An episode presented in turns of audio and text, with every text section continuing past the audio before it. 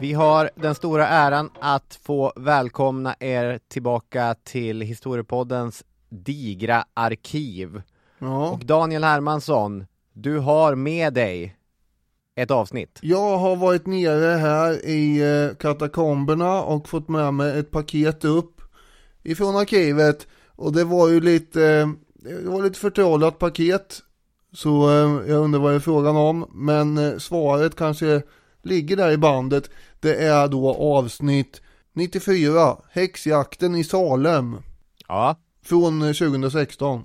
Usch, det är länge sedan. Nu blir det puritaner som ska få sin bygd fri från häxor. Mm. Jag har för mig att du hade sett en teater som gick ut på det här med. Märkligt nog så tror jag att jag har sett den sen dess, men inte då vi spelade in avsnittet. Det är The Crucible på engelska, kanske heter Häxjakten eller så på svenska. En av Arthur Millers eh, klassiska, det ordet är ändå berättigat här, pjäser. Jättebra, Shanti Rooney i huvudrollen, det är ändå spännande med en eh, puritanfarbror som, pra- som pratar som Shanti Rooney. Jaha, Men det, ja. han gjorde rollen jättebra, fem stjärnor. Men nu är det alltså inte en eh, recension av den här teatern som avsnittet handlar om, utan det handlar om de händelser som ägde rum där 1692 i Salem. En historia som har blivit odödlig av en anledning. Hoppas ni tycker att det är intressant. Rullar det i huvudstaden nu. Ja.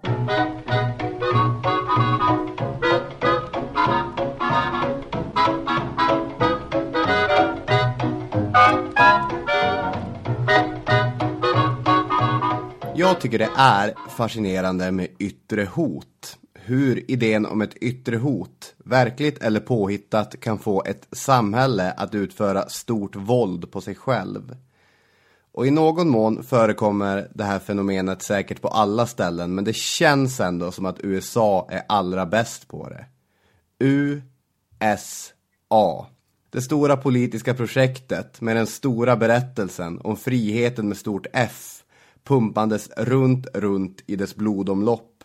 Det har vid så många tillfällen visat sig villig att ge upp stora delar av just denna frihet av rädsla för det yttre hotet. I vår tid tänker vi kanske på kriget mot terrorn eller på Donald Trumps planerade mur mot Mexiko. People come up to me, they say, Donald, you don't really mean we're going to build a wall, do you? And I say, I say, absolutely we're going to build a wall, 100%. Men vi kan lika gärna peka på 1950-talets röda fara.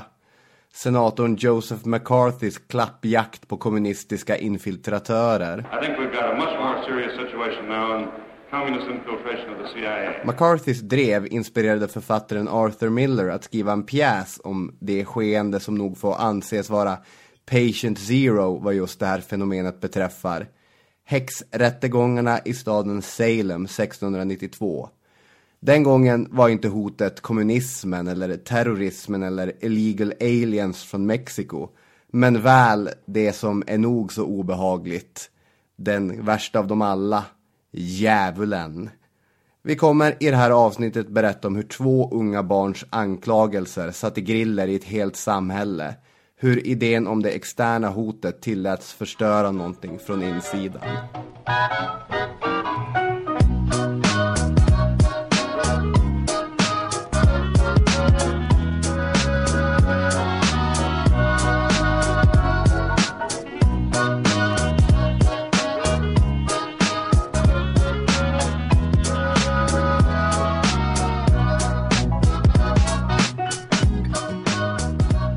Välkomna till eh, avsnitt 94 av Historiepodden. Oj. Ja, Nu närmar vi oss hundra. med dig Robin Olofsson och mig Daniel Hermansson.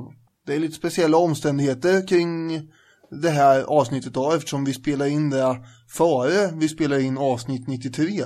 Det vill säga det föregående Ja. avsnittet som ni hörde förra veckan. Eh, förra veckan har inte spelats in än. Nej, precis. Det är, vi, vi kör lite, vi vänder på kronologin den här gången. Så att därför känns det märkligt om jag och du ska sitta och prata om vad vi har gjort i veckan. För jag, Mm, och vad som eh, har hänt, eh, ja, vad är för reaktioner på förra avsnittet vore ju väldigt märkligt. Ja. Eller ska vi gissa? stor succé. Ja, Sång och jubel. Nej men jag, jag skulle kunna berätta att jag har suttit i, i två dagar och, och nött Bernie Sanders videor och, och liksom äntligen trillat dit för amerikanska presidentvalet. Men det, har ju, det är ju två veckor sedan, han kan mycket väl ha gått och dött sedan dess.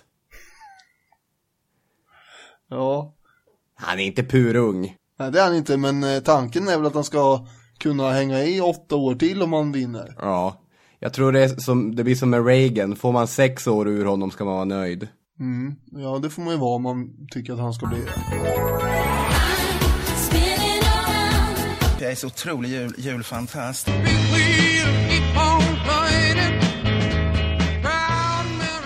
Ja, då ska vi se vad det landar på den här gången då. Hjulet, det är ju då eh, vårat lilla chokladhjul här med eh, sju olika överkategorier. Och sen så kan det då bli en av dem och sen därifrån kan vi gå vidare till eh, eventuellt andra hjul. Och så kommer vi snurra fram olika eh, konstiga händelser och grejer som vi ställer mot varandra som vi ska spekulera kring. Chokladhjul, den referensen flyger över huvudet på mig. Vad är ett chokladhjul? Ja men du vet, va? Ja, men när du går på tivoli eller något och de snurrar ett sånt här hjul och sen vinner man Toblerone och sånt. Ja, okej. Alltså, vem, du skämtar med mig här? Nej, verkligen inte. Det är ett Men otroligt Robin, du har varit, du, du har varit på, på, på Liseberg och Gröna Lund och Jag har varit på Gröna Lund en gång, aldrig på Liseberg. med Folkets hus då i Arvidsjaur. Hade de inget litet hjul där någonstans som man kunde vinna något på? Nej. Ja, hur som helst, då kan vi snurra på det här eh, hjulet så kanske vi vinner något då.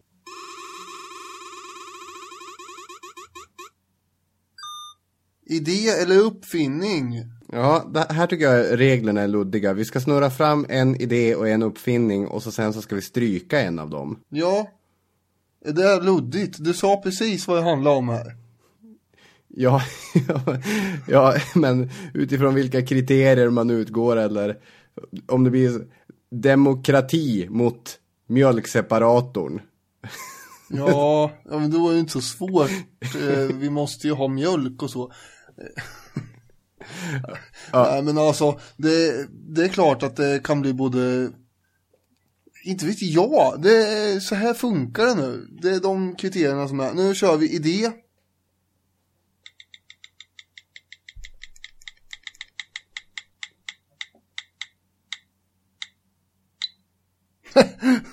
ja, det här är lite roligt med tanke på förra eh, avsnittet. Keynesianism är själva idén. Ja, då slipper vi förklara det också. Ni får helt enkelt gå tillbaka, fast du menar förra, förra avsnittet. Ja, just det, har- det, det har du rätt i. Det är lite roligt att den dök upp då. Uppfinning.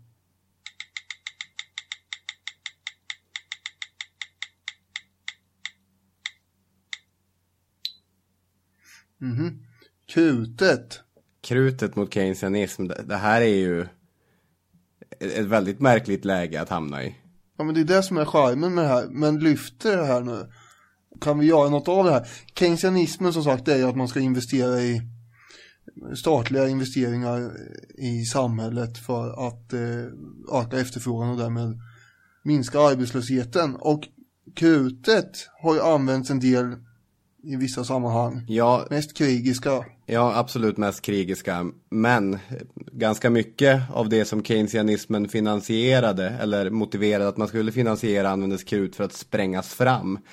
Eh, det är ju svårt att tänka sig perioden efter medeltiden utan krutet. Vi har ju enorma, de kallas till och med ibland krutimperier. Vi har Osmanska riket, Safaviderriket i, i Persien, vi, vi har Mogulriket i Indien, vi har samurajerna som börjar beväpna sig med diverse skjutvapen. Kan du för, för, försöka föreställa dig något av de här utan krut?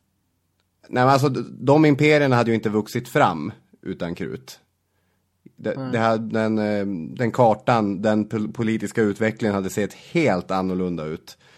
Jag tror krutet är en sån uppfinning som det är svårt att mäta dess faktiska Men nu är det som är uppgiften här. Eller är det det som är uppgiften? Eh, handlar det om att lista ut vilken som har fått haft störst påverkan på något sätt? Eller ska vi bara ta bort någon och sen får det bli som det blir? Det här jag menar att det är luddigt.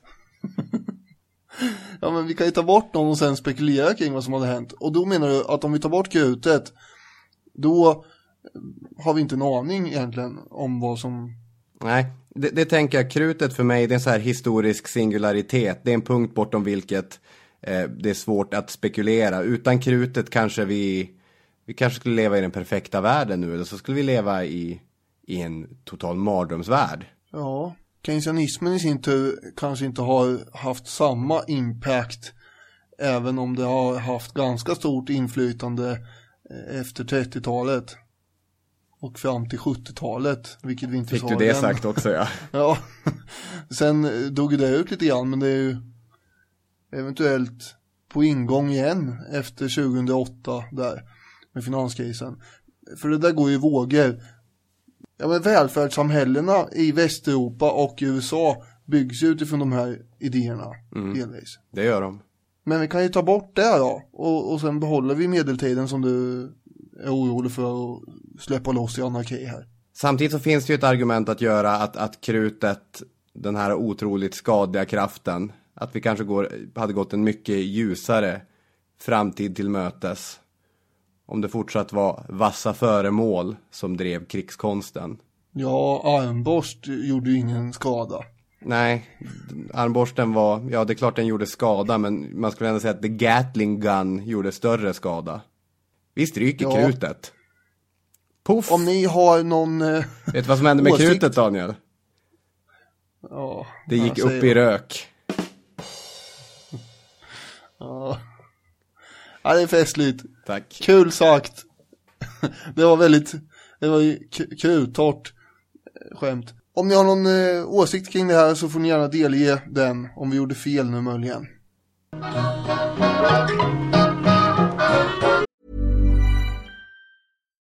Millions of people have lost weight with personalized plans from Noom, like Evan, who can't stand salads and still lost 50 pounds.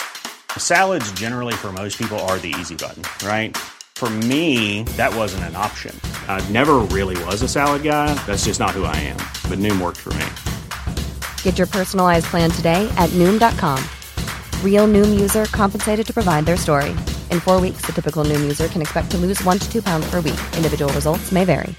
Selling a little or a lot? Shopify helps you do your thing however you cha-ching. Shopify is the global commerce platform that helps you sell at every stage of your business. From the launch your online shop stage to the first real life store stage, all the way to the did we just hit a million orders stage. Shopify is there to help you grow. Shopify helps you turn browsers into buyers with the internet's best converting checkout. 36% better on average compared to other leading commerce platforms because businesses that grow grow with Shopify. Get a $1 per month trial period at shopify.com slash work. shopify.com slash work. I'm Sandra, and I'm just the professional your small business was looking for. But you didn't hire me because you didn't use LinkedIn jobs. LinkedIn has professionals you can't find anywhere else, including those who aren't actively looking for a new job but might be open to the perfect role, like me. In a given month, over 70% of LinkedIn users don't visit other leading job sites. So if you're not looking on LinkedIn, you'll miss out on great candidates like Sandra. Start hiring professionals like a professional. Post your free job on linkedin.com/achieve slash achieve today.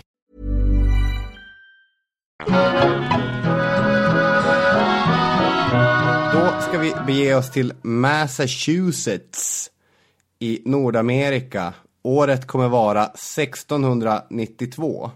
När man närmar sig ett ämne så brukar jag börja med att googla runt på det, kolla nationalencyklopedin och, och så bara läsa lite översiktsgrejer. Och när man googlar på häxrättegångarna i Salem, då får man upp ganska många sådana här sidor som, som heter 10 saker du inte visste om häxbränningarna i Salem. Eller 10 myter om häxbränningarna i Salem. Och jag har en liten, en liten beef, jag har en liten, vad heter det?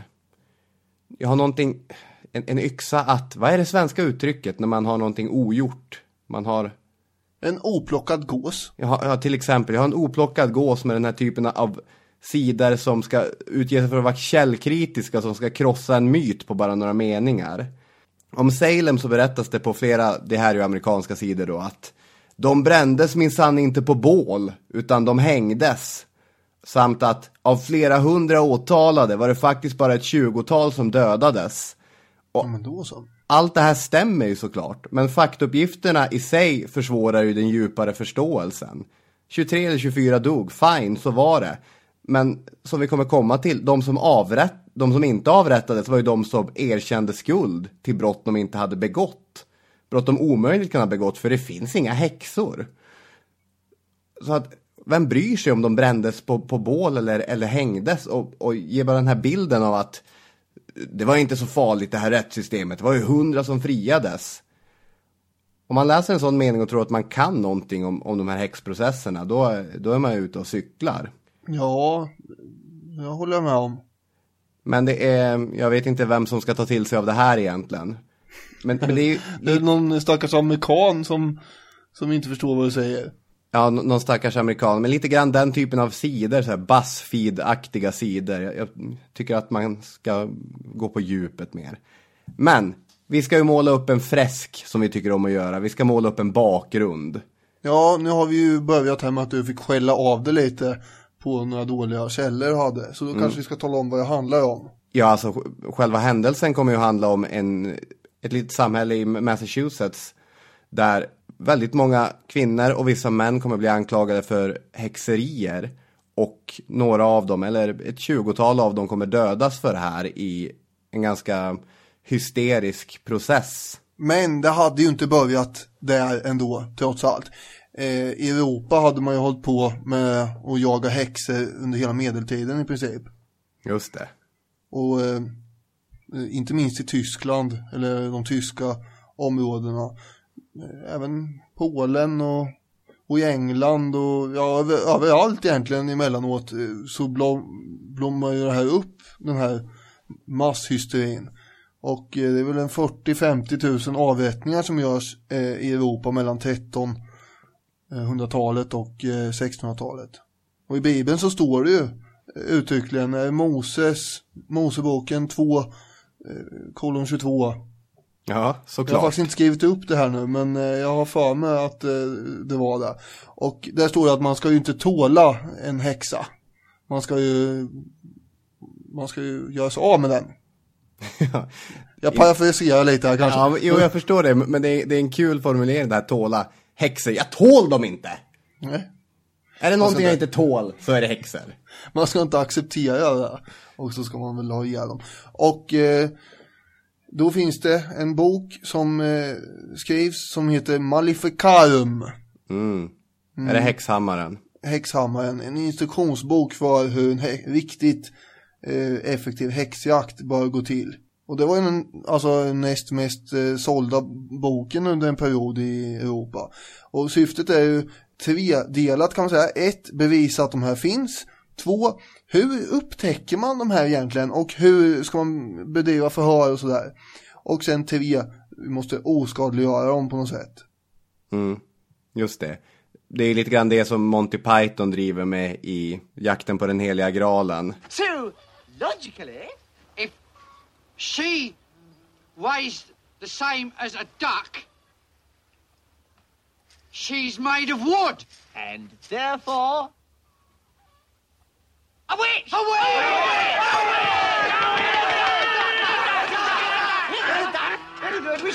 larger scales.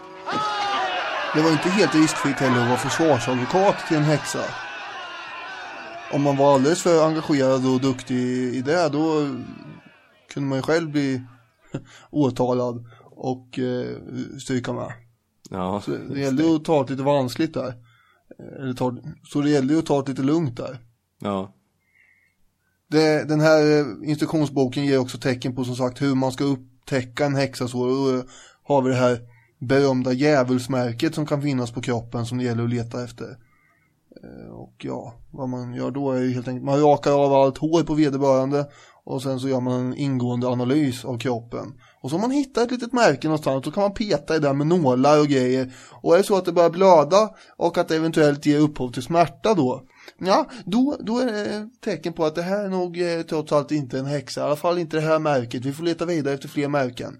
Men om eh, människan då inte eh, verkar tycka att det gör ont eller något sånt där, då, då är det ju ett riktigt djävulsmärke och då bör man dra öronen åt så här. Mm.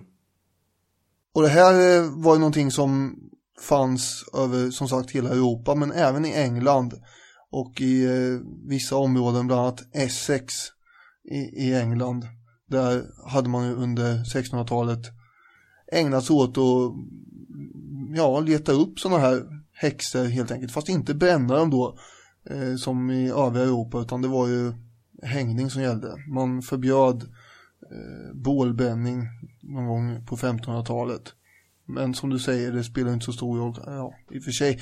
Alltså när Sean Dyke står på bålet, det är ju det är ju mer plågsamt än att bli hängd misstänker jag.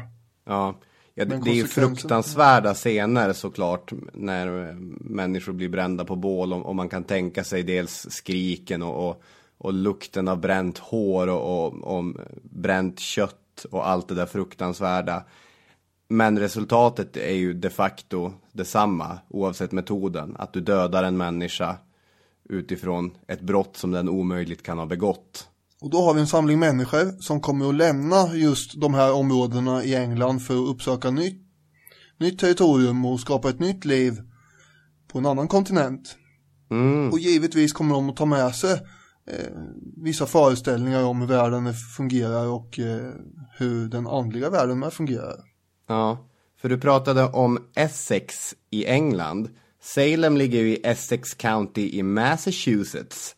Högst uppe i nordöstra delen av USA. Och hit hade ju människor anlänt från England på 1620-talet.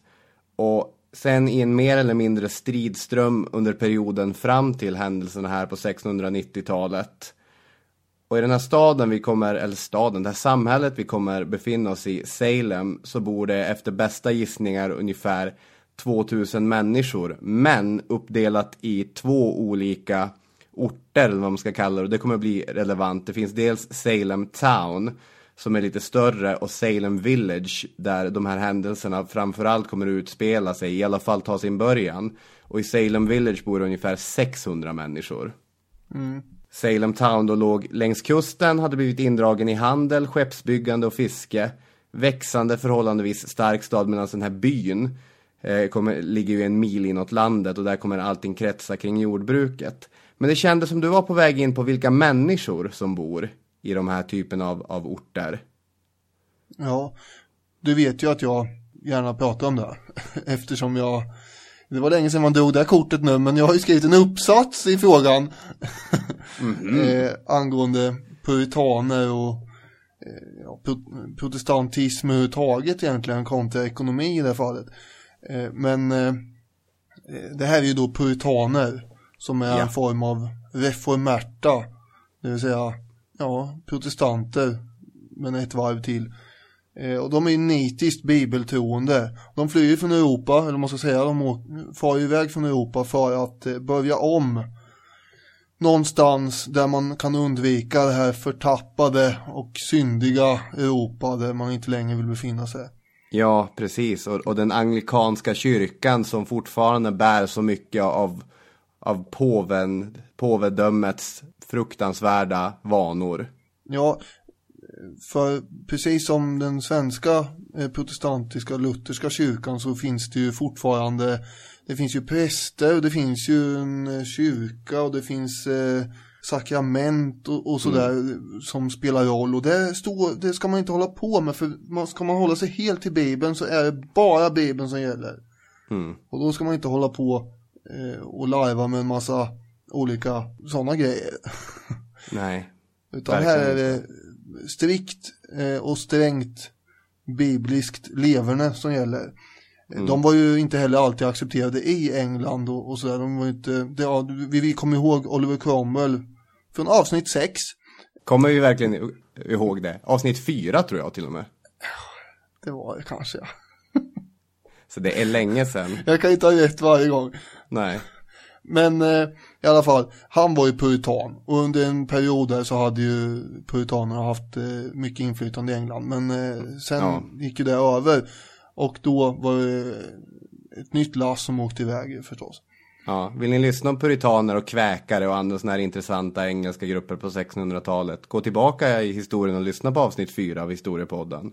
Och eh, vi, vi kanske kan släppa något liknande i framtiden ännu mer om det här. Satan, den killen var ju alltid närvarande eh, överhuvudtaget i människornas eh, tankevärld helt enkelt. Han var alltid redo att sabotera Guds rike och dra ner alla människor i fördärvet. Så det gäller att vara på sin vakt mot de där frestelserna. Mm. Och det var inte så att Salem-händelserna 1692 var den första i eh, kolonierna borta i Amerika.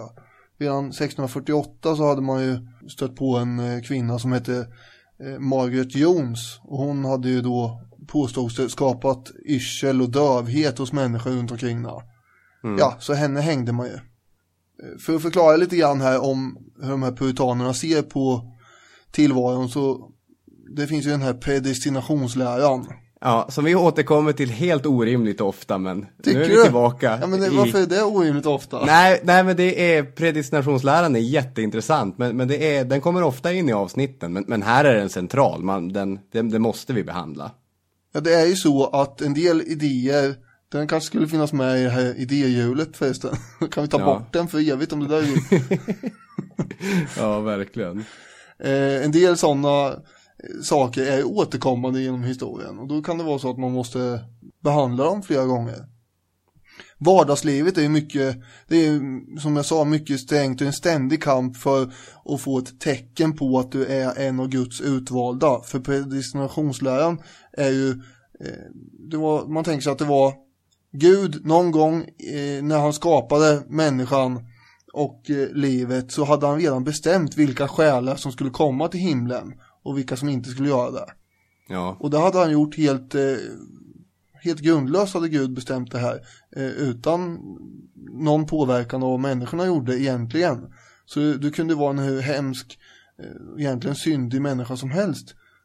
Teoretiskt sett. Fast det skulle det absolut inte vara enligt, enligt de här eh, tankarna. nej, för- därför att för puritanerna är det jätteviktigt det här att tillhöra en ren kyrka och, och leva väldigt gudfruktigt och, och hoppas på minsta lilla tecken att du faktiskt är en av de utvalda. Mm. Precis. Men som sagt, man kunde aldrig vara riktigt säker. Och det kunde vara så att det även var elackingar som hade valts ut. Mm. Men eh, så det blir mycket ångest och eh, så, sånt i, det här livet förstås.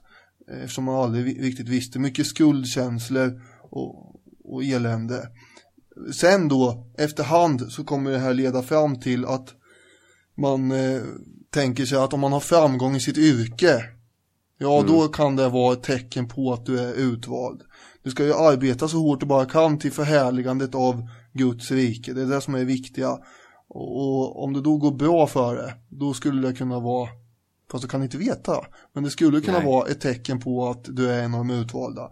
Och i slutändan så kommer det här leda till att rikedomar ackumuleras ju av, eh, bara råkar bli, nu blev det så. att eh, om du jobbar som eh, handelsman och så Ja. är du väldigt duktig på det, ja då kan det bli så att du blir rik helt enkelt. Då blev det så. Eh, Nu blev det så. Men även om du jobbar inom någon annan bransch, om du är bonde eller vad det nu är, så ska du göra det också så bra du bara kan. Och, och lite inslag av det här finns ju alltså i, i Lut- Luthers eh, läror också, Mm. uppenbarligen.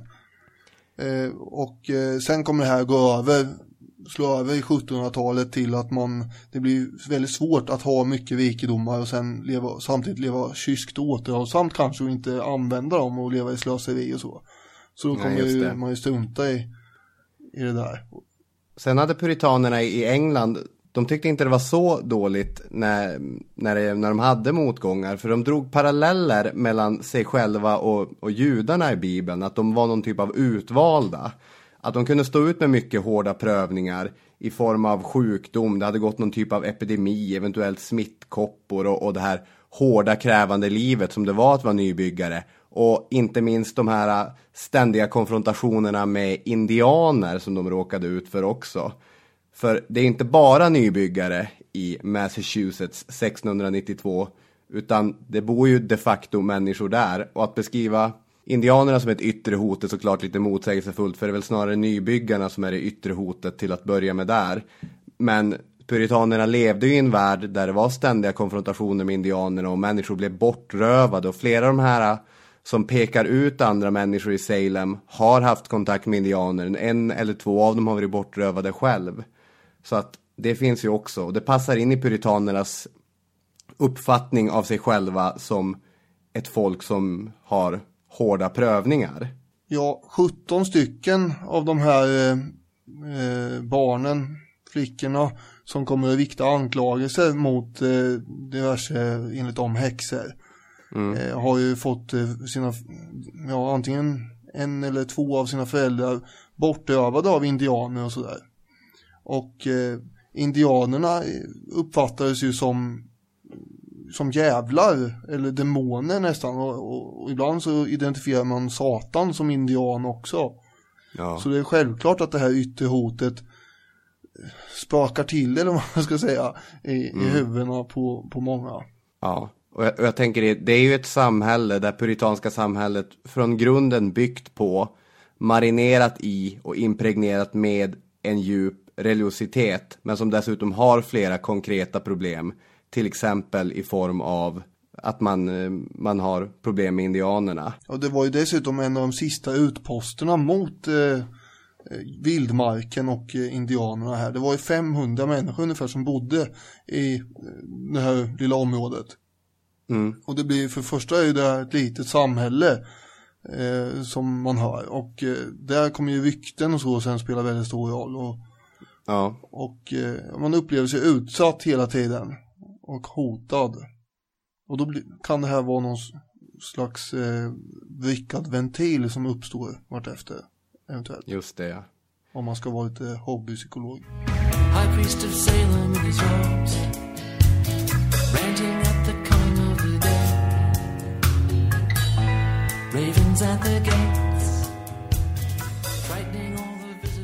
I staden finns dessutom en konflikt mellan två rivaliserande släkter. Den ena av dem heter The Putnams och det The Putnams vill är att de söker en större självständighet från staden Salem, det här lite större, eh, större staden som ligger ut mot kusten.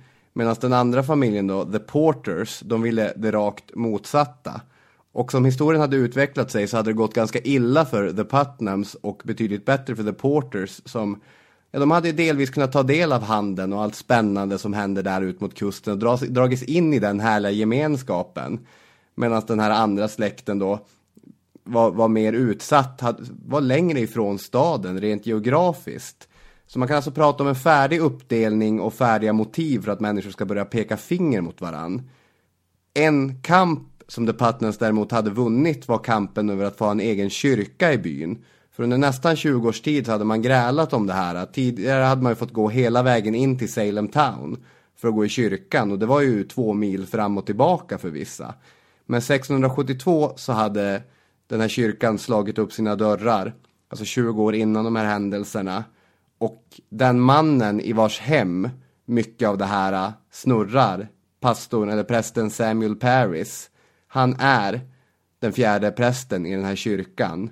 Och han, han är något av en spindel i nätet tänker jag. Ja, nu var ju du inne på det här, men det gäller ju fler än bara de här två eh, släkterna och det är ju att eh, generellt sett så finns det ju någon form av konfliktyta här mellan eh, handelsmän i själva ja, stan kan man ju inte säga men samhället och sen mm. då eh, mer konservativa jordbrukare runt omkring.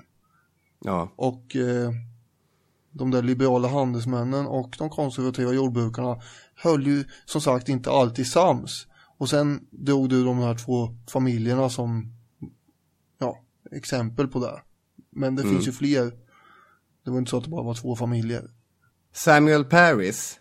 I den prästens hus bor alla de karaktärer som blir centrala i processens inledande fas. Betty Paris är hans nioåriga dotter och Abigail Williams är hans brorsdotter eller systerdotter. Det här det amerikanska ordet nis är så dumt, man vet ju inte på vilken sida det är. Men hon är i alla fall i 11-årsåldern. Och de har inte så kul hemma.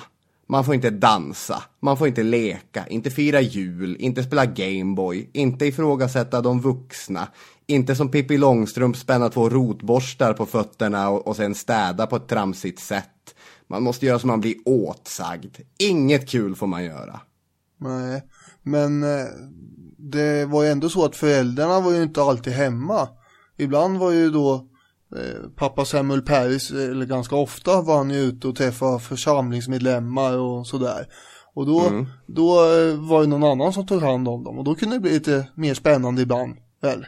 De här flickorna, de fixade intressanta saker att göra ändå. De får mystiska sjukdomar, känner hur någonting osynligt nyper dem, hur någonting sticker dem, hur det går ilningar upp och ner för ryggraden, hur deras händer böjs i märkliga former. Vad är detta för märkligt? Vad kan detta vara? Eh, vi ska väl slänga in här då att den här slavinnan Tituba som jobbar, Tituba? ja, tänker du att DN lyssnar nu igen eller? nej, nej. Ja, ja, okej. Vad sa du? Tituba. Ja. Tituba. Hon, eh, Ja. hon tar ju hand om barnen då, eh, någon form av barnvakt. Och hon är ju en eh, indiansk eh, kvinna som är slav helt enkelt. Men hon har ju då blivit såld i ett par omgångar. Bland annat har hon varit en sväng på Barbados innan hon hamnar hos familjen Paris.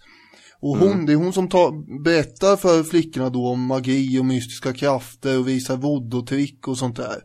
Sägs det sen. Sägs, ja. Eh, men eh, för all del, hon kan väl ha snappat upp ett och annat borta på Barbados. I alla fall så visar hon i flickorna då hur man med en äggvita som hälls i ett glas av vatten eh, kan, ja då ska flickorna kunna se eh, ansiktet på sin framtida fästman och sådana där mystiska saker. Och det här Ja. ska då dra till sig eh, intresse från fler flickor som tänkte att åh, det här låter ju festligt. Det vill jag veta också hur han ser ut. Och sen när det börjar dra ihop sig då med de här, eh, alla de där symptomen som du pratade om. Eh, Att de känner ilningar och mår dåligt och har ont överallt. Då ska ju, då ska ju eh, Tituba ha, ha bakat en kaka. eh, Bland annat eh, baserat på de här två flickornas urin. Och sen så var tanken då att eh, det skulle leda fram till någon form av bot. Och bara det här var ju väldigt, väldigt schamat, eh, sån här, vad heter det? Scha, Shamanistiskt. Shamanistiskt och väldigt mystiskt. Ja, du ska baka en kaka av deras urin och typ majsmjöl eller någonting. Sen så ska du få en hund att äta upp den Ja, så kakan. var och det, så ska ja. Sen ska hunden vandra ifrån staden därför att då, då tar med sig djävulen med den. Ja, ja, men det här är klart att det var så. Ja, pre- precis. Men Tituba... blev det så? Nej, det, det blev inte så. Jag ska bara skjuta in att Tituba, nu, de här böckerna har inte jag läst, men hon är ju en, ett sånt här ämne som amerikanska historiker älskar att undersöka, inte minst i, i syfte av historiebruk, hur hon används. För på 1800-talet så började man helt plötsligt hitta på att hon var afroamerikan. När, det var, när raskonflikten var någonting som speglade mycket i deras, i deras sinnen. Så hon, hon har fått stå och representera väldigt många grejer i olika historiska skildringar av händelsen. Mm. Men, men det blir ju inte så. Utan de inte så. är ju förhäxade. Nu blev det inte så, precis. Det kommer en lokal läkare dit, William Griggs. Och för honom så är diagnosen tydlig. Det är häxeri. Inte att de själva är häxor, men att de är förhäxade. Mm. De är alltså offer här. Ja. Och nu, nu börjar det anklaga olika människor i byn. Fyra stycken kvinnor utpekas första gången, varav en är just Samuel Parrys egna slav Tituba. Mm. Och det är ju inte så himla konstigt för hon är ju ganska hjälplös slav här. Ja. Det är också ett par gamla fattiga, vad det verkar, eh, tanter som är socialt utstötta som först pekas ut. Så det är ju inte så att någon eh, går i taket över att det är fullständigt eh, hårresande och peka ut de här människorna och att ungarna borde skämmas i början. Utan det är bara, jaha, det här är rimligt ja. Ja, det, är- det är mall 1A bara. Tell us something we didn't know. Mm. Det är klart att den där kvinnan som är i praktiken hemlös är, är häxa. Ja, Det syns ju på henne. man ju fattat. Ja, syns lång väg. Tituba är intressant för hon är ju den första som erkänner Mm. Och i och med att hon erkänner straffet och pekar ut i sin tur flera nya så blir hon också frisläppt. Därför det har ju också med, med puritanernas sätt att, att se på världen att om man erkänner sin skuld och ber så mycket om förlåtelse, det, det är bra grejer. Så ska man göra. N när de börjar peka ut eh, människor, jag, jag, tänkte bara så att vi ska ge lyssnarna någon kronologi att hålla fast i. Nu är vi i januari och februari 1692. Mm.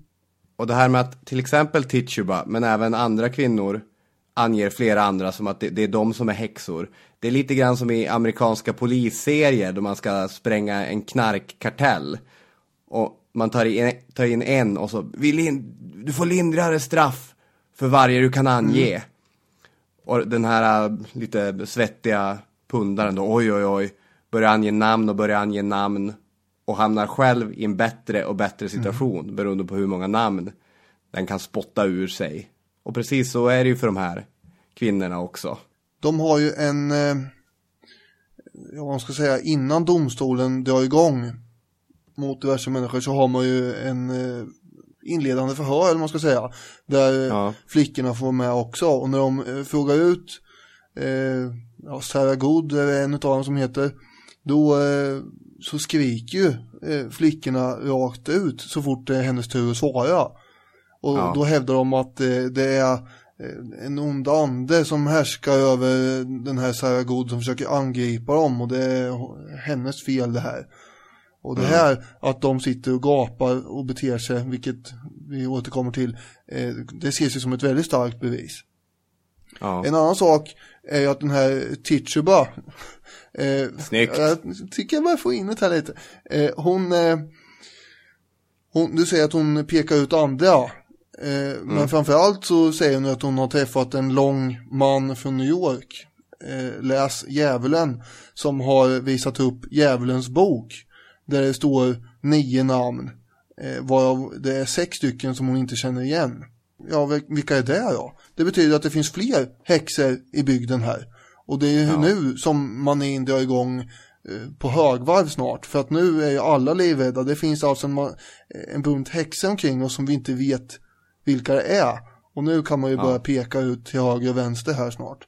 Så nu gäller det där är det när, komma åt. När man har satt en häxboll i rullning är det så svårt att få den att sluta rulla. Ja, nu är det verkligen panik här. Och vi ska komma ihåg att Tituba hade ju levt alltså, hon hade ju varit slav i hemmet hos en präst.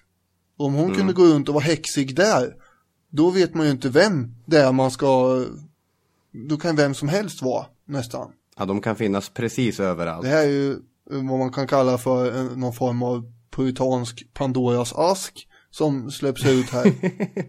ja. Är inte den där grannen lite mystisk ändå som går runt och är allmänt häxig där borta? Mm. Så nu blir det en väldigt förgiftad och hotfull och uppskakad stämning i den här lilla bygden. Ja, minst sagt. Och det som gör det hela så, så intressant, det som gör att man kan peka till höger och vänster, är ju det här med att de tror på vad som i, den engelska litteraturen kallas spectral evidence. Alltså en bevisföring baserat på andar. Eller vad man ska kalla det, spöken eller kanske till och med demoner. Men alltså någonting som tar form i den fysiska världen men som inte är del av den fysiska världen. Att om jag till exempel är en häxa mm. så kan jag skicka, skicka iväg min ande till dig och hemsöka dig. Den kommer vara pocka på dig och den kommer säga saker till dig som du inte vill höra. Och det är det de här stackars barnen har råkat ut för då. Ja, precis. Den kommer nypa dig och den kommer viska Kent-citat i örat på ja. dig som du inte förstår eller känner igen. Och så sen när du pekar på mig och säger han är en häxa, han är en häxmästare, så måste det vara. Och då har jag ett perfekt alibi, det kan det inte vara. Jag har ju varit med min familj hela dagen. De, de kan berätta, ja din kropp ja. Men det är ju din ande. Mm. Och det är så svårt att fixa alibi för sin ande. Ja, det är lite knivigt faktiskt. De här nya anklagelserna som eh, viftas eh, vitt och brett omkring eh, och eskalerar fullständigt. Det riktas ju inte längre bara mot sådana här, vad sa du, mall 1A. Utan eh, nu är det mer och mer mot, eh, ja vad ska man säga, eh, mer välbärgade och hö högre uppstående fruar till väldigt, ja inte riktigt de mest viktiga männen än, men i alla fall inte den längst ner i sociala hierarkin befolkningen. Nej, precis. Den kryper högre och högre upp för, ja som du sa, den sociala hierarkin. Så nu måste vi ha en rejäl eh, domstol som tar itu med det här.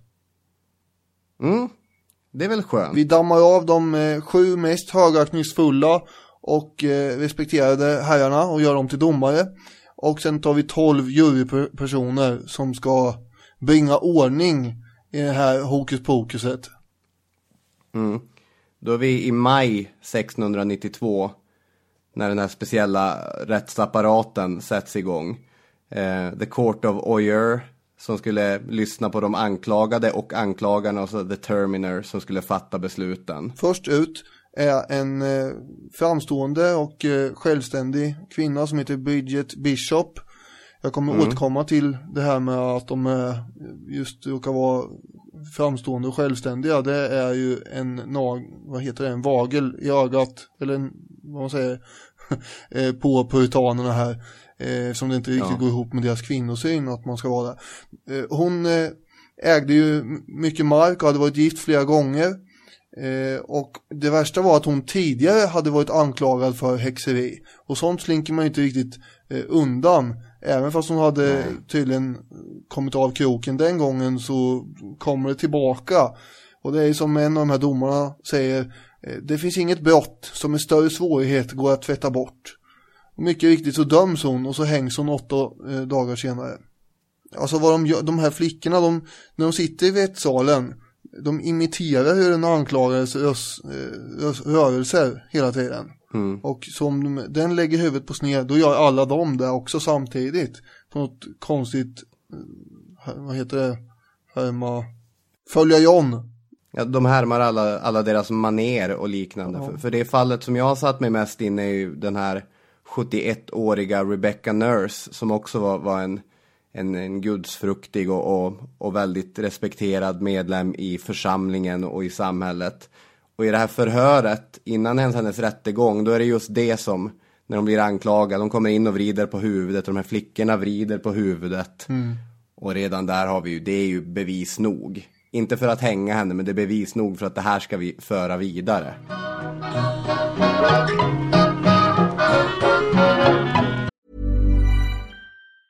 Many of us have those stubborn pounds that seem impossible to lose, no matter how good we eat or how hard we work out. My solution is PlushCare. PlushCare is a leading telehealth provider with doctors who are there for you day and night to partner with you in your weight loss journey. They can prescribe FDA-approved weight loss medications like Wagovi and Zepbound for those who qualify. Plus, they accept most insurance plans. To get started, visit plushcare.com slash weight loss. That's plushcare.com slash weight loss. This is Paige, the co-host of Giggly Squad, and I want to tell you about a company that I've been loving, Olive and June. Olive and June gives you everything that you need for a salon quality manicure in one box. And if you break it down, it really comes out to $2 a manicure, which is absolutely insane. It's also so easy to get salon worthy nails at home with Olive and June. The difference between how your nails used to look when you did them yourself and now with the Manny system is a complete game changer. The best thing about Olive and June too is it's a quick dry, dries in about one minute, lasts for five days, and full coverage in up to one to two coats. Visit oliveandjune.com slash perfect Manny 20 for 20% off your first system. That's oliveandjune.com slash perfect Manny 20 for 20% off your first system. System. Millions of people have lost weight with personalized plans from Noom, like Evan, who can't stand salads and still lost 50 pounds. Salads, generally, for most people, are the easy button, right? For me, that wasn't an option. I never really was a salad guy. That's just not who I am. But Noom worked for me. Get your personalized plan today at Noom.com. Real Noom user compensated to provide their story. In four weeks, the typical Noom user can expect to lose one to two pounds per week. Individual results may vary.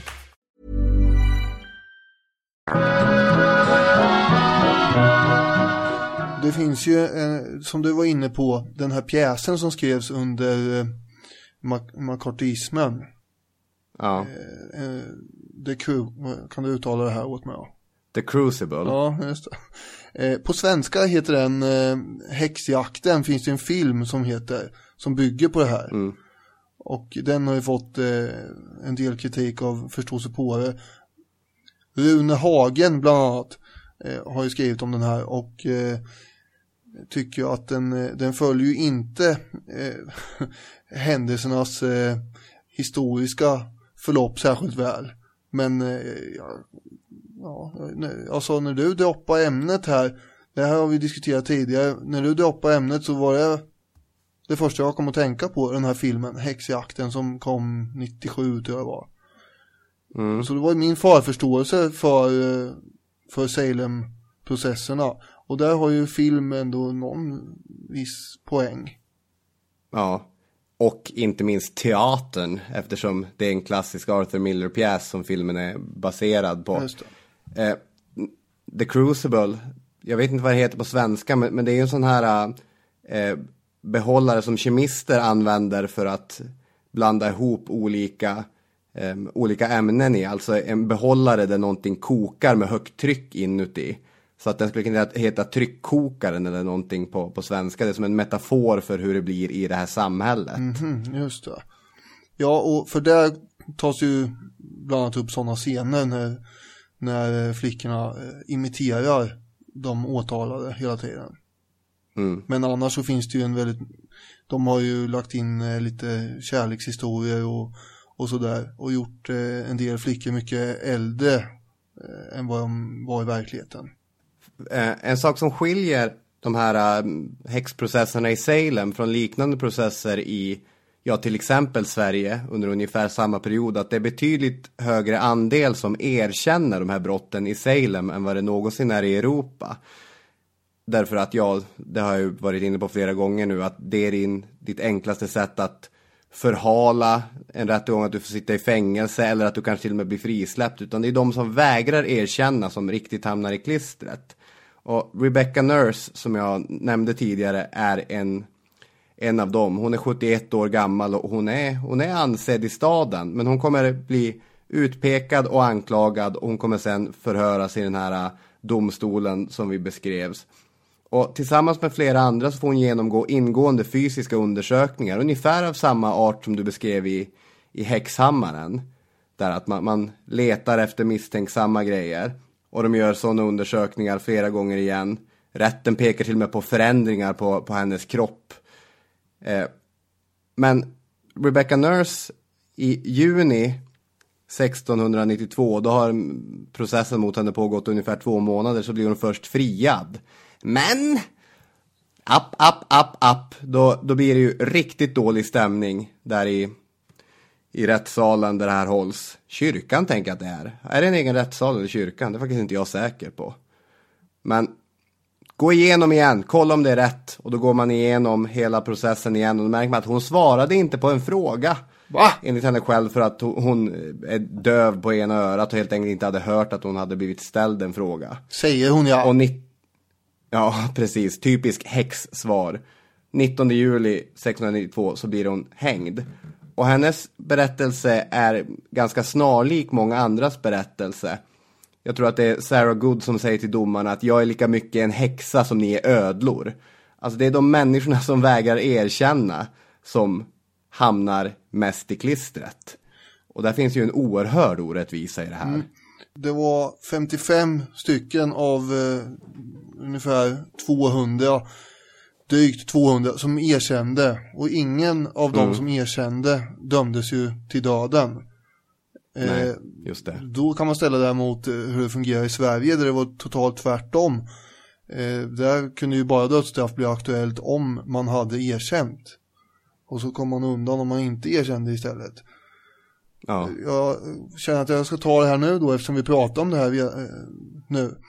Det var ju en otrolig skymf det här att eh, de här kvinnorna inte respekterade den världsliga auktoriteten och de här myndigheterna som satt där och var viktiga i sina kostymer.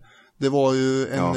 en kvinnlig revolt. De var inte bara förmodligen häxor utan de var också kvinnliga bråkmakare upprorsmänniskor okay, som bara, bara genom att de var där var det en otrolig provokation.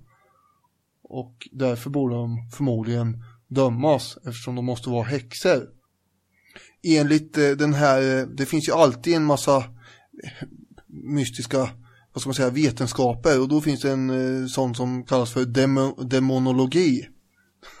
Mm. Läran om demoner helt enkelt. Och den eh, hade ju många eh, ledande kyrkliga puritaner i Salem satt sig in i eh, under 1600-talet. Och eh, enligt den så fanns det en inneboende könssvaghet hos kvinnan. Det vill säga det, hon var mer mottaglig och lättfästad eh, av Satan. Och, och det förklarar också att det var fler kvinnor än män som blev utpekade.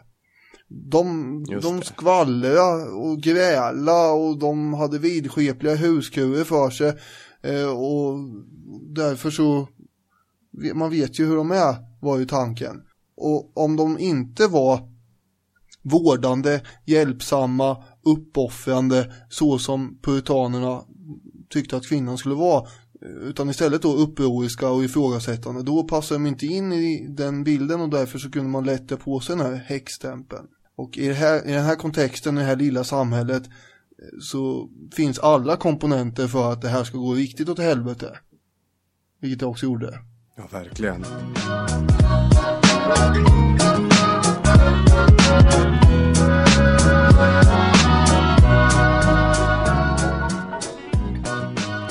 Och apropå Sverige så finns det en, en del intressanta beröringspunkter här och jämförelser. Eh, vi har en av de här kyrkoledande puritanerna som heter Cotton Mather. Och han, eh, han använder de svenska processerna i Mora som argument för att man handlar rätt. Det var ju så att man kände ju förstås till det som hade hänt i inte minst Sverige som var en ganska eh, bestialisk verksamhet man höll på med här. Och det här hade ju då dokumenterats på svenska, sen hade det översatts till holländska och sen hade det översatts till engelska och det här satt man och läste i England eh, bland annat i Essex och studerade papperna där, jaha nu ska vi se här, oj är det så här det kan vara och, och sen har den här informationen då fortsatt över till de amerikanska kolonierna. Engelska filosofer hade ju använt de svenska häxprocesserna eh, och bevisen där som någon slags bevisföring för att häxor faktiskt fanns. Och här blir då barns syner väldigt viktiga. I Sverige så hade ju barnen sett syner som avslöjade trollfolk. Och eh, mm man kunde ju peka ut människor som barnen egentligen inte hade någon, då har man ju inte sett dem i verkligheten. Men via vissa konstiga syner så hade de ju sett en del människor på de här eh, häxmötena i Block, som de kallar det i de engelska texterna de ska hänvisa till det här. Det vill säga blå, Blåkulla. Ja. Och eh, för Mater ger ut en skrift 1692 eh, i oktober efter de här processerna där han ska rättfärdiga varför det här har hänt och så. Och eh, där kommer han eh, vara en av få som verkar som håller fast vid att det här var rättmätigt. Mm. Eh, och sen har han då bland annat som bevisföring också att det vet ju alla eh, det här The Lapland Witches. Det var ett känt begrepp över hela Europa. Bland annat via Olaus Magnus eh, stora historiska verk på 1500-talet. Eh, där eh, man pratar om samisk häxkonst. Och då använder man det som argumentation för rättfärdigandet av handlandet i Salem också. För det visste man att Satan kunde på uppmaning av samerna vända vindarna och sen använde samerna den här förmågan, eh, och, alltså de sålde den förmågan till sjöfolk för de är i behov av vindar ibland. Ja, det får man tänka sig att de är, ja. Och de kunde minsann förhäxa folk med bara sin blick eller vissa ord och så här. Det som däremot skiljer Salem-processerna mot de svenska är ju att det, det förekommer inte några sexuella orger med Satan i den amerikanska kolonin barnadop och kannibalism och sånt är inte heller förekommande. Och de svenska barnen hade ju varit efter ganska flitigt pekat ut också sina föräldrar som eh, häxor eller trollkarlar. Eh, och det skedde ju aldrig i Salem. Utan vad som händer där är ju att eh, det ganska ofta är barn till jordbrukande den här konservativa eh, jordbrukande befolkningen som pekar ut fruar till handelsmän alltså. Eh, så det finns en ekonomisk eh, klassmässig skillnad i det här också. Många som pekas ut eh, har också varit gifta med ja, antingen hyfsat eh, rika handelsmän eller kanske välbärgade markägare. Sen har de här männen gått och dött och kvar står då kvinnan och ärver alltihop.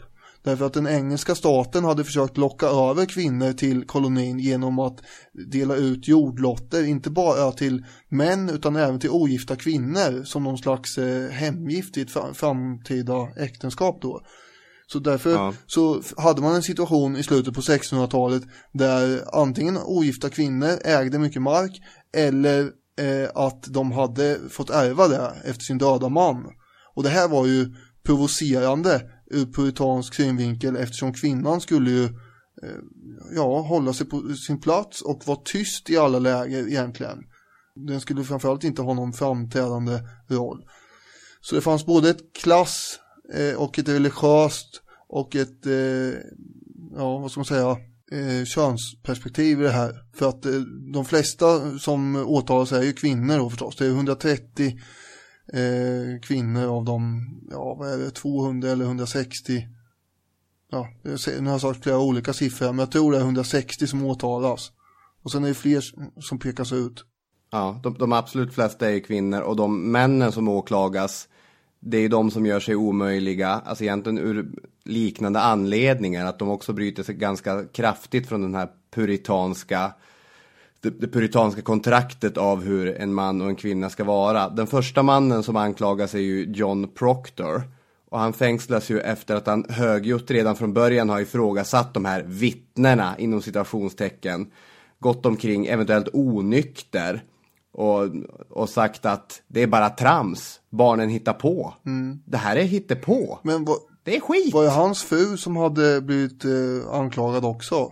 Ja, alltså han blir ju någon sorts häxmästare här därför att ja, hans fru och flera av hennes syskon och flera av hans barn blir anklagade för, för häxeri. Så att väldigt många i hans eh, omgivning, när hon blir anklagad så vägrar han att, han lämnar inte ut henne utan han står bredvid henne under hela den här processen också. Och ja, han för ju hennes talan och han nekar i sten. Hon är ingen häxa, hon är ingen häxa. Det här måste ju betyda att han också är en häxa. Ja, precis, det, det är hur tydligt som helst. Han kommer också att bli avrättad medan frun faktiskt klarar sig eftersom hon är gravid. Och man vill inte, man vill ändå inte hänga någon som är havandes. Men alltså i ögonen på de här människorna i Salem så framstår han som någon typ av, av häxmästare. Men egentligen var han bara en högljudd, lite otymplig typ som hela tiden sa vad han tänkte. Oavsett om det låg i hans intresse eller inte. Jag har en katt som sitter här bredvid och håller på och glor. Ja, du har ju en riktig häxkatt där. Jaha, vad är det för anklagelse? Ja, du får tolka det som du vill, men du har en svart katt som sitter där och glor på dig medan du pratar om häxor. Just nu slickar hon på ett juicepaket, jag vet inte ja, i alla fall. Eh, misstron mot de här eh, flickorna som har eh, anklagat folk till höger och vänster börjar ju under hösten tillta. Eh, därför att mm. nu riktas anklagelserna varit efter här mot eh, riktigt viktiga människor. Eh, hedervärda människor som omöjligen kan vara ihopblandade med sånt här eh, ja. simsalabim hokus pokus. Precis här är ju klassförklaringen väldigt ja. rolig att när det tar sig för högt upp i Ja, det finns gränser alltså. Och det, Då är det inte kul är längre. Ungefär så. Nu var inte det här roligt längre. Och det är när de anklagar eh, guvernörens fru. Då bara, vänta ja. här nu, omg. Nu drar vi i handbromsen som i värsta På spåret-stil. Då blir det nya inställningen att det vore bättre att tio misstänkta häxor friades än att en oskyldig dömdes. Mm, och eh, då det. släpper man 49 av de 52 som man för tillfället har inburade. Eh, och eh, säger bara okej okay, nu kan ni gå här, vi är klara med det här. Och sen nästa vår så släpps de ytterligare tre som, som man hade i förvar. Precis, för det är en ganska stor skillnad det här att utgå från att alla är skyldiga och de ska bevisa sin oskuld mot tvärtom att behöva bevisa skuld. Mm. Det blir svårare. Det kommer ju bli en, till skillnad från i många andra fall, så kommer ju självrannsakan och självkritiken hos många av de här prästerna och domarna och hela samhället egentligen att vara väldigt omfattande. Ja. Man inser att här har vi gjort ett fatalt misstag. Mm. Och jag tror faktiskt att det är ganska många som har rätt mycket ångest eh, om man får tro källorna. Jo, det, det tror jag också. Jag tror man ska tänka det här som en riktig, riktig bakfylla. Mm. Att de vaknar efter ett, ett, en oerhört märklig snedfylla och bara, vad, vad har vi gjort? Vad blev det här av egentligen? Eh, 1697, fem år efter de här händelserna så hålls en, eh, en eh, vad ska man säga, någon form av fasta och allmän gemensam bön där alla ber om syndernas förlåtelse och ber, om Gud, ber Gud om förlåtelse och så.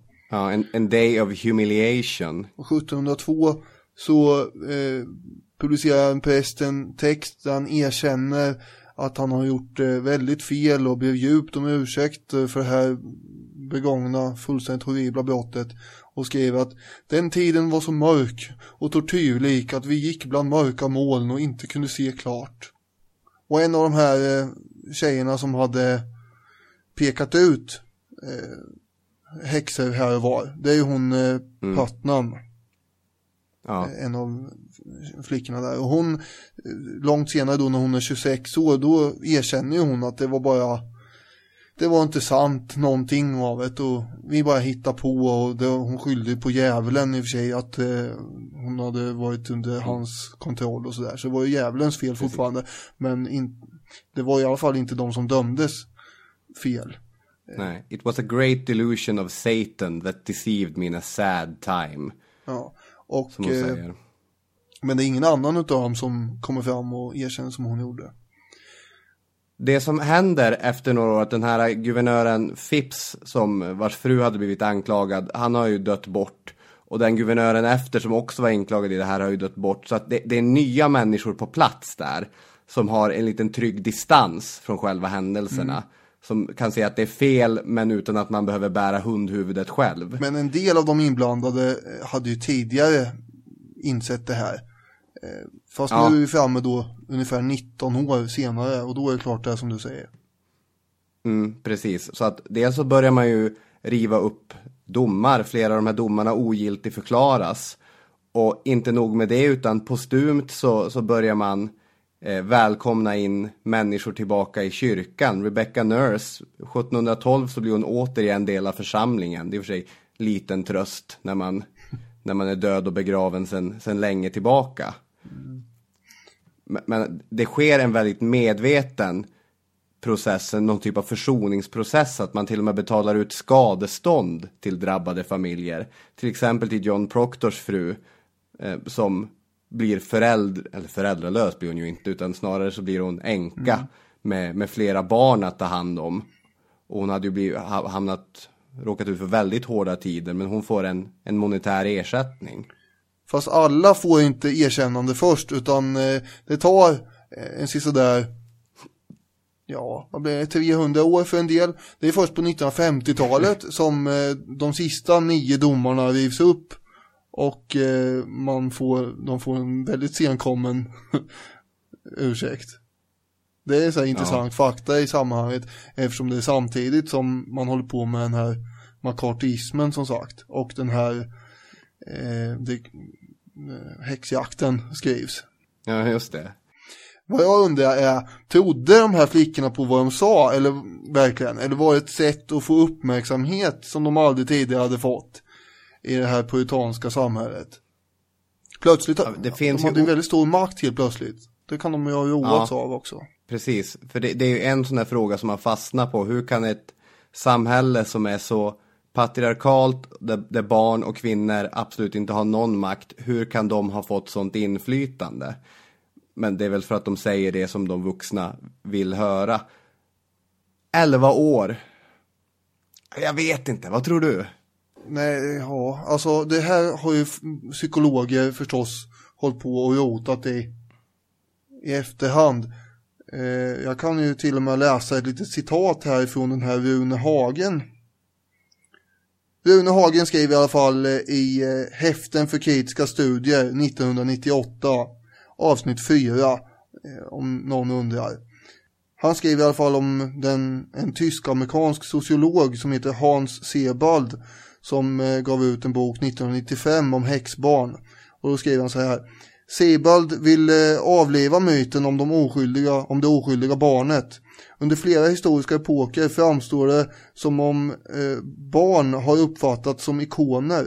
Man har haft en överdriven bild av barn som till oskyldiga, tillitsfulla och spontana väsen. De representerar det grundläggande, äkta och oskyddade. Av barn får man höra sanningen, heter det ofta. Häxfallen, där barn är inblandade, sätter ett stort frågetecken för uppfattningen om barns totala oskuld. Den andra utgångspunkten hos Sebald är frågan om barnuppfostran och barnfantasier. Föräldrar och pedagoger uppfattar barns kreativa och levande föreställningsförmåga som tecken på god mental hälsa. Äventyr och andra magiska berättelser ingår oproblematiskt som led i en läroprocess där det gäller att berika barns föreställningsförmåga. Denna sorts socialisering uppfattas som positiv för barnens kognitiva och sociala utveckling. Sebalds poäng är att det finns en negativ dimension av barns fantasier som under vissa sociala och kulturella betingelser kan falla ut högst olyckligt. Det är dessa olyckliga effekter som han kallar Salem-syndromet. Jaha du, intressant. Och det här är ju verkligen en sån kulturell kontext som möjliggör Sannligen. det. Nu när du då har skap, du har spänt den akademiska bågen lite och gett tyngd till avsnittet ska jag väl då skjuta in att det är de amerikanska historikerna Paul Boyer och Steven Nissenbaum som har lanserat den här socioekonomiska förklaringsmodellen med, med bönderna respektive handelsmännen och med de här två rivaliserande familjerna. Att det, inte, att det är en, en viktig drivkraft här i Salem.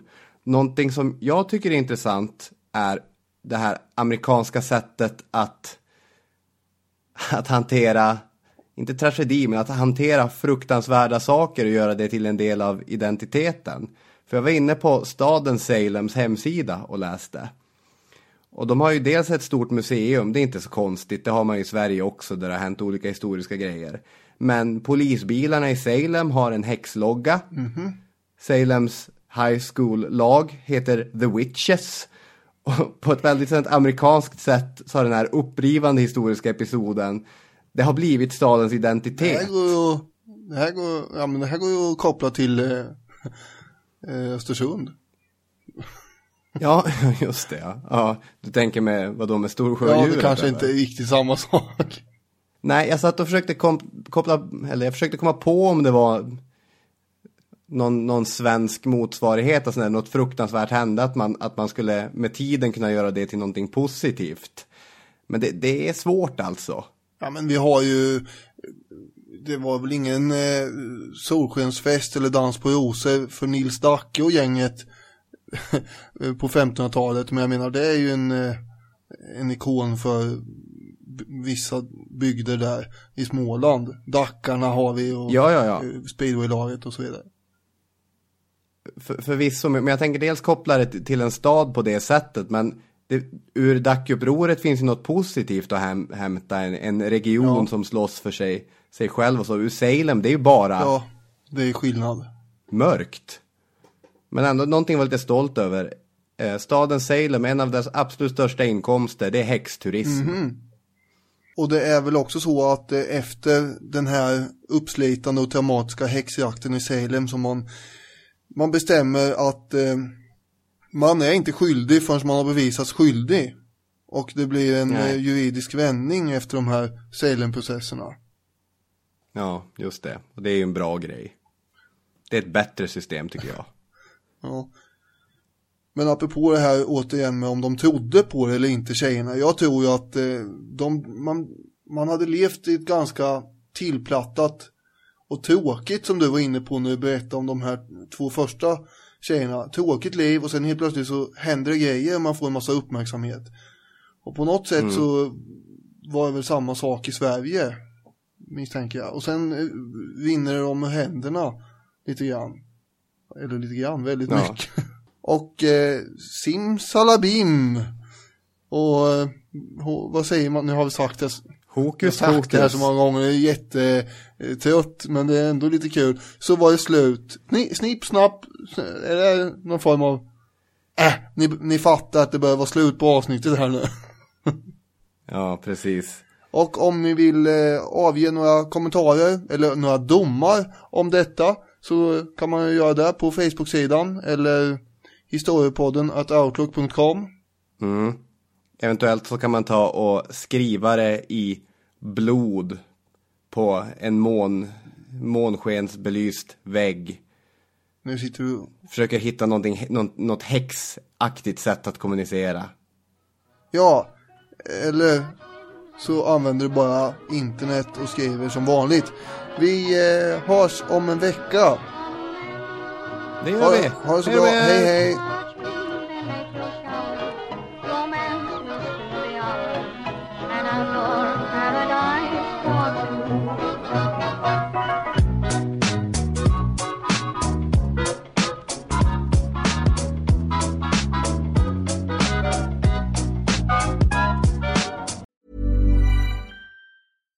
Hi, I'm Daniel, founder of Pretty Litter. Cats and cat owners deserve better than any old fashioned litter. That's why I teamed up with scientists and veterinarians to create Pretty Litter. Its innovative crystal formula has superior odor control and weighs up to 80% less than clay litter. Pretty Litter even monitors health by changing colors to help detect early signs of potential illness. It's the world's smartest kitty litter.